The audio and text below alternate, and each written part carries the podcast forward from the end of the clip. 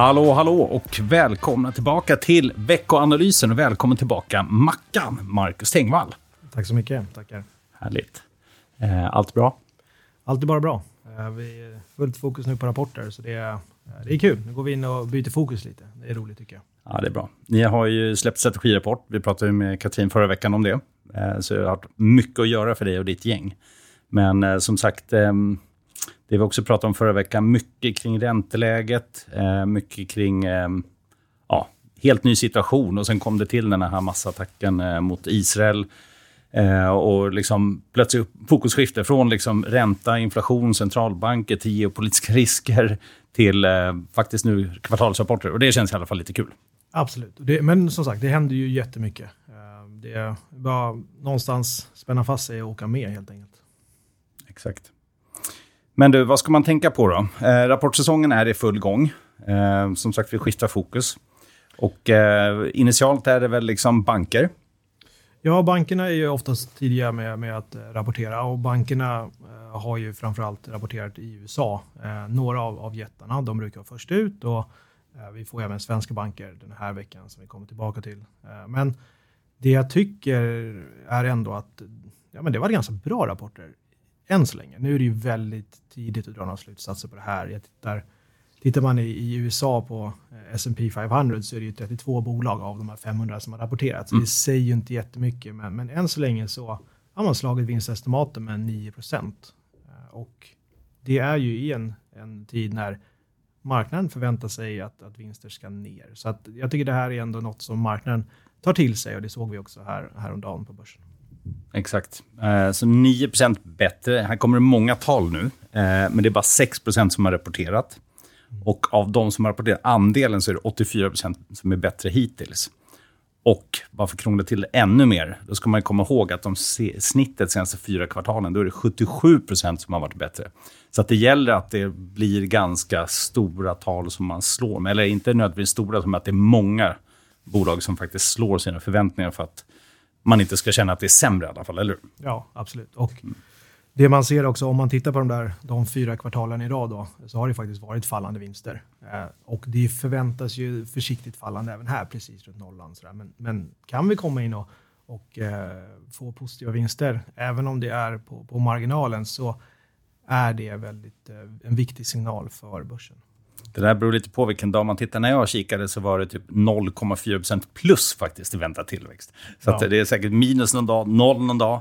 Eh, hur som helst, som du säger, alltså tittar man på ett år, så skulle det hamna på plus, så är det ju faktiskt första gången på ett år som vi ser lite ja. tillväxt på årsbasis. Men, och det är precis som du säger, det, det revideras ju hela tiden såklart. Och vinstrevideringarna ja. har ju varit upp inför nu rapporterna. Och det mm. brukar ju vara lite åt andra hållet. Det är lite ovanligt. Faktiskt. Ja, ja klart eh, spännande. Så att, eh, vi får se. Och vad är det man ska titta på i rapporterna då? Nu har vi haft eh, bankerna, då är det mycket räntenetto, det kan vara kreditförluster och annat.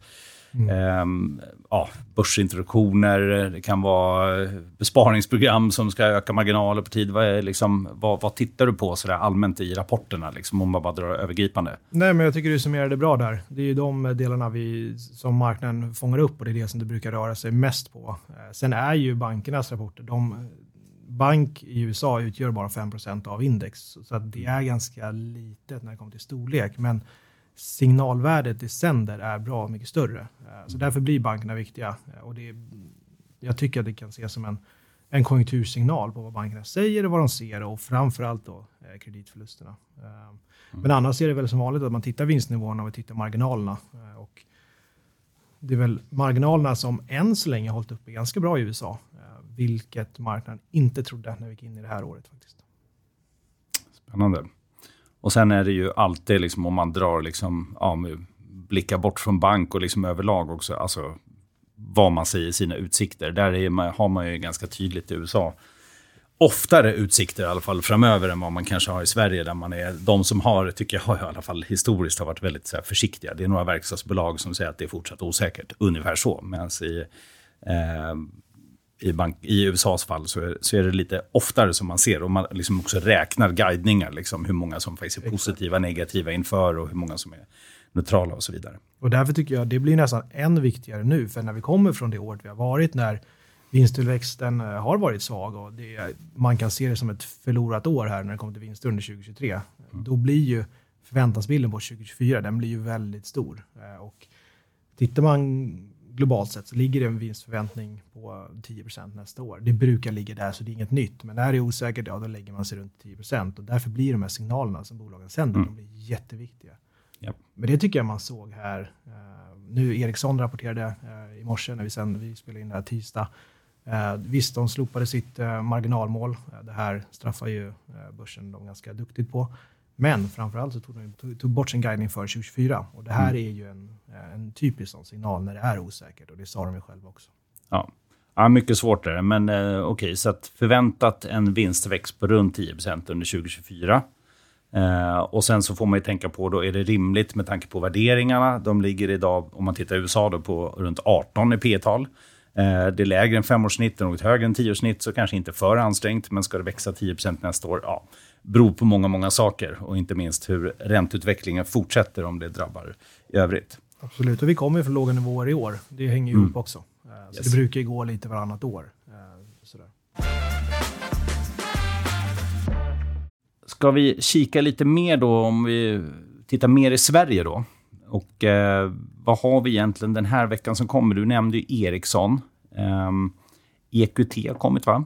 Mm. Eh, var lite lägre förstod jag det som resultat? Lite lägre avgifts, avgiftsgenererande kapital. Eh, det gillar inte marknaden heller. Um, men ja, det är väl än så länge bara de två eh, som, som, har kommit, som är stora. Yes, och sen så smäller det till här då. Imorgon kommer ju ABB, kommer Handelsbanken, Tele2, Volvo. På torsdag kommer Nordea, kommer Telia, eh, fredag Husqvarna och så vidare. Och vad ska man säga? Jo, om vi tittar på bankerna först, har ju du redan nämnt en del kring, kring amerikanska banker. De svenska bankerna, det är egentligen samma sak där. Väldigt mycket fokus på räntenetto överlag och där är ju några som är extremt liksom Alltså tar du Nordea till exempel, så de kommer ju förmodligen ha det här kvartalet och kanske nästa som kommer vara lite rekordkvartal tack vare räntenettot. Sen är vi väl inte helt övertygade om Nordea allmänt. Så här, de har lite svag kostnadseffektivitet, låga kundnöjdssiffror och så vidare. Um, men eh, överlag kommer räntenettot vara i fokus och det kommer också gynna många. Och tittar man på Handelsbanken även där, eh, men där kan man också lägga till att det är eh, ja, allmän risk från räntor, det minskar volymtillväxt, det är högre amorteringsgrad som man ser hos kunder. Eh, samtidigt som man, man, naturligtvis har den här medvinden från högre räntor också på räntenettot. Sen har ju Handelsbanken överlag hög kreditkvalitet, så det, det hoppas jag fortsätter när man, mm. när man tittar där. Och det blir ju ganska stort fokus på just räntenettot. Det, medialt har det varit, det senaste kvartalet har det varit ganska ja. stort fokus på också. Så att media kommer ju fokusera på det och marknaden kommer ju ta till sig det också. Ja. Jag tycker det är intressant att vi har ju på onsdag så har vi Netflix och vi Tesla och de här eh, mm. storheterna i USA. De har ju varit drivande i årets börsuppgång. Um, så det blir ju väldigt spännande att se om de kan leverera på de här förväntansbilden så, som, som ligger. Uh, och med ganska fina uppgångar uh, i ryggen så såklart, då finns det ju alltid risker när man ska uh, öppna böckerna och visa hur det faktiskt har gått. Mm. Så där får vi lite Eh, relaterat på den. Vad har vi mer? Jo, vi har ju i Sverige då Volvo Husqvarna tycker jag är lite intressant. Eh, Volvo allmänt, ja, det borde ju peka på lite tillbaka till normala nivåer, borde visa bra marginalutveckling. Har ju bra motståndskraft normalt och stark finansiell position. Borde väl vara en ganska bra rapport. Jag tycker inte heller att det känns så särskilt inprisat för höga förväntningar. Tittar man Husqvarna så är situationen egentligen eh, lite annorlunda. Eh, Gardena, självklart väldigt negativt med bevattningssystem efter en regnig sommar överlag. Sen har man ju till det överlag den här konsumentsvagheten som ju drabbar bolaget. Då har det skett ganska mycket nedrevideringar inför rapporten, men det finns en risk att det där blir en rätt svag rapport helt enkelt. Mm. Eh, och sen har vi Telia och Tele2 och ja, lite andra bolag och vi återkommer väl till det eh, mer nästa vecka också. Eh, Lifco eh, har du lyft fram i veckoanalysen också.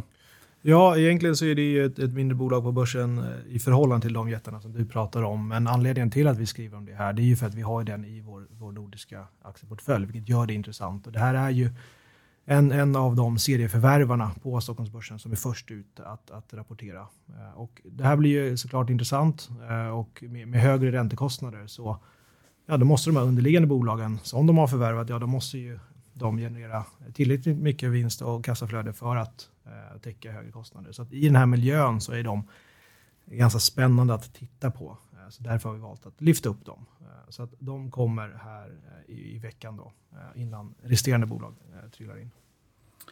Bra, och de kommer som sagt på fredag. Ja. Och sen så, ja, det kommer ett gäng till andra rapporter, både i Norden och utlandet. Så nu kan man säga att det är igång helt. Eh. Absolut, och det någonstans är det skönt också, för det har ju varit så väldigt mycket fokus kring inflation, centralbanker och framförallt fokus på stigande långräntor i USA. Och marknaden tenderar ju att fokusera på en sak i taget och, och nu skiftar man fokus lite. Sen klart, den geopolitiska oron den, den ligger som en våt filt över allt det här. Eh, men någonstans så kan man lyfta blicken lite och titta på något annat en sekund i alla fall. Ja. Och bara för det så skiftar vi fokus igen. Dels till vår poddmanik, den har vi faktiskt glömt idag. Men eh, också lite mer till makrohändelser. Eh, Marcus börjar skratta här, jag förstår honom helt. Jag tycker den är fortfarande lite rolig. Men vi får utvärdera efter ett tag. Ja, jag ber om eh, ursäkt. Det är helt okej. Okay. Eh, men om vi bara kikar lite, vad har vi för makrohändelser egentligen den här veckan? Vi har på tisdag eh, idag då, så har det ju kommer, ja, har precis kommit, men jag har inte sett siffran. Vi har tyska SEV-index. Eh, vi har amerikansk detaljhandel senare idag. Och vi har amerikansk industriproduktion. Det här är ju rätt viktiga siffror ändå faktiskt för att visa att för amerikansk tillväxt har ändå överraskat lite positivt. Och det här är ju viktiga komponenter för att det här ska fortsätta. Verkligen, och det marknaden vill se där, det är att man vill ju fortsatt se en stark detaljhandel med en, prisnivå som går ner. Det är ju den, perfekta kombon, det är ju sweet spot. Eh, nu blir det väl inte alltid så, men det som centralbankerna försöker göra det är att, strama åt så att eh, prisnivån kommer ner, men man vill inte strypa efterfrågan fullt ut. Eh, och det får vi se här.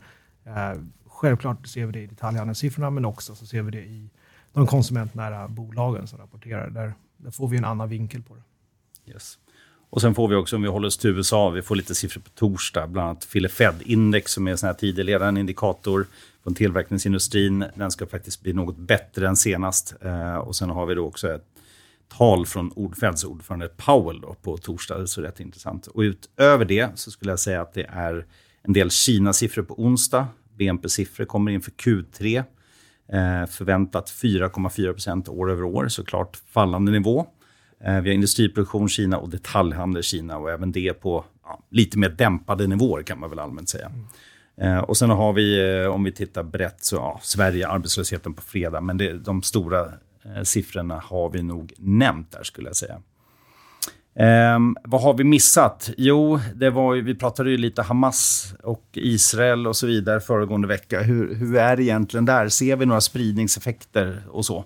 Än så länge så är ju eh, spridningseffekterna ganska små, eh, men det finns ju en stor oro för att det här ska spridas såklart. Och en tidig indikator att titta på det är oljepriset. Vi ser att så fort eh, det rörde sig upp direkt när, när, det här, när konflikten kickade igång, eh, men har hållit sig på ganska låga nivåer ändå än så länge. Men skulle vi se att Iran dras in i det här och att ja, då kommer USA självklart svara med, med fullt med sanktioner mot USA eller mot Iran, vilket i sin tur kommer få oljepris och annat att skena och då då har vi stora problem eh, här igen. Så att marknaden är ju självklart nervös eh, för det här och, och, med det färska minnet från Ukraina, Ryssland och hur det påverkade eh, självklart leveransled, men, men också energipriser, inflation och centralbanker så är det på helspänn just nu, även om vi än så länge ser ganska begränsade eh, effekter. faktiskt.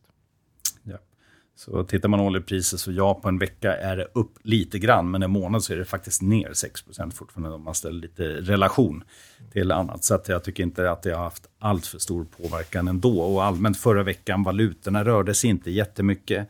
Långräntorna föll tillbaka lite. Ja, några i och för sig mer än andra, men inga sådär, ja, inga så här jättesaker som sticker ut. Och även när man tittar aktiemarknader, eh, runt 0 eller 1-2 procent upp på de flesta marknader. Så världsindex upp 1 procent räknat i kronor och därmed upp 17 procent under året. Så ganska bra. Men det är stora regionala skillnader. Så USA har upp 21 procent i år.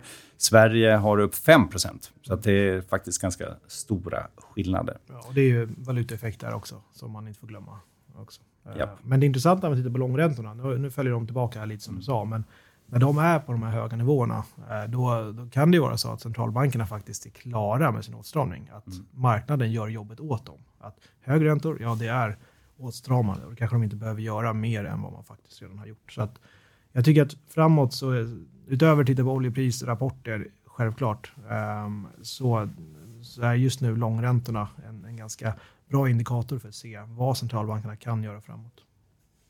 Mycket bra. Eh, och Det man också ska komma ihåg när jag säger att det inte är så stora rörelser så här under veckan är det upp 1% Det har varit ganska stora svängningar faktiskt. Alltså vi hade ju någon dag som det var upp ungefär 3% på Stockholmsbörsen. Och det, det är liksom under ganska kort tid, det kan på ett par timmar liksom, eh, röra sig ganska mycket. Så det är otroligt svårt att liksom tajma rätt om någon av våra lyssnare är mer kortsiktig i sin handel eller någonting. Så, så det är ganska svårt. Så att det, det har börjat röra sig. Men det är väl en tydlig signal om att det är lite nervöst där ute? Ja. Eh, både från inför rapporter på vad vinsterna kommer att göra, vad som händer i, på geopolitiska arenan, men också vad som händer med inflation och centralbanker. Det, det, det, man kan ju måla upp ett mörkt scenario, nu ska vi försöka att inte göra det. Utan vi har ju fortfarande en, en positiv tro på börsen, eh, men, men det kommer vara volatilt och det är det. Och vi ser det eh, varje dag just nu. Yes. Och med det sagt så är vår tid över. Um, och vi tackar för oss och så hörs vi igen nästa vecka. Det gör vi. Tack så mycket.